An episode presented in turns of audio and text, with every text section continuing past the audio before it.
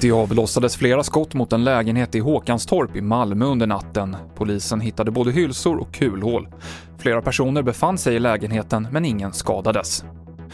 Vi fortsätter med priserna på landets djursjukhus. TV4-nyheternas rundringning visar att försäkringsbolagen reagerar på kraftigt höjda avgifter.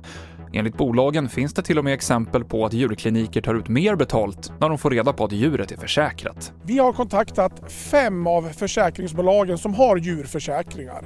Samtliga uppger att de allt oftare får ifrågasätta fakturorna från landets djurkliniker.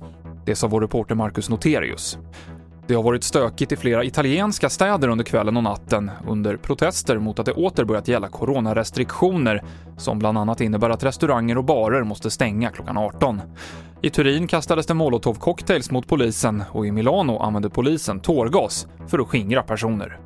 Och vi avslutar i Italien, för det blev nya mål för Zlatan Ibrahimovic igår. Han gjorde två mål för Milan mot Roma och leder nu skytteligan i Serie A på sex mål.